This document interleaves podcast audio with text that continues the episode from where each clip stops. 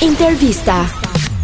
Po i përdorni më pak makinat pas rritjes të çmimit? Uh, sigurisht që po i përdori më pak, duke qenë Aha. se Pagat tona janë akoma të ulta dhe çmimet janë rritur. Algo puede que que jo vetëm nafta dhe benzina, por Kena snedhen. edhe çmimet e tjera ushqimore. E kam bërë vetë me këto duar. Kemi pak të vështirë ta përballojmë gjendjen.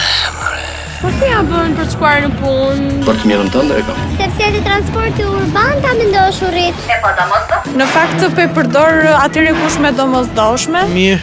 Sigurisht që për punë është diçka e domosdoshme dhe më duhet makina. Po në momente që për të dalë si më parë, po për të bërë ndonjë xhiro apo për çef, Raste pak më të rralla, rralluar, po sigurisht që e përdorim Sigurisht që e përdorin se s'kemi çfarë bëjmë. se s'kemi çfarë bëjmë.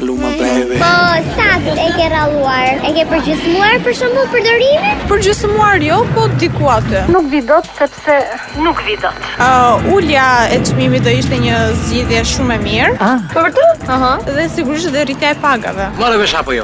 Rritja e çmimeve ka ndikuar negativisht në buxhetin tim personal.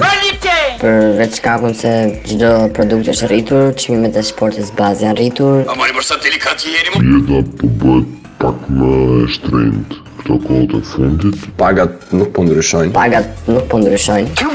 Dhe në raport me naftën, kjo gjë na dëmton shumë sepse e, i bie që ne të konsumojmë Afërsisht treçerekun e pagës. treçerekun e pagës.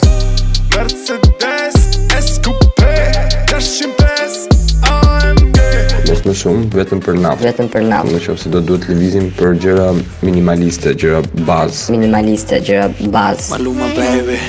Rritja e çmimit naftës normal që ka ndikuar në buxhetin familjar.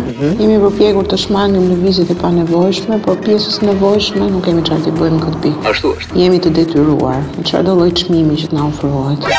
Jemi të detyruar me çfarëdo lloj çmimi që të na ofrohet, çfarëdo lloj çmimi që të na ofrohet. Çfarë do lloj çmimi që të na ofrohet? Po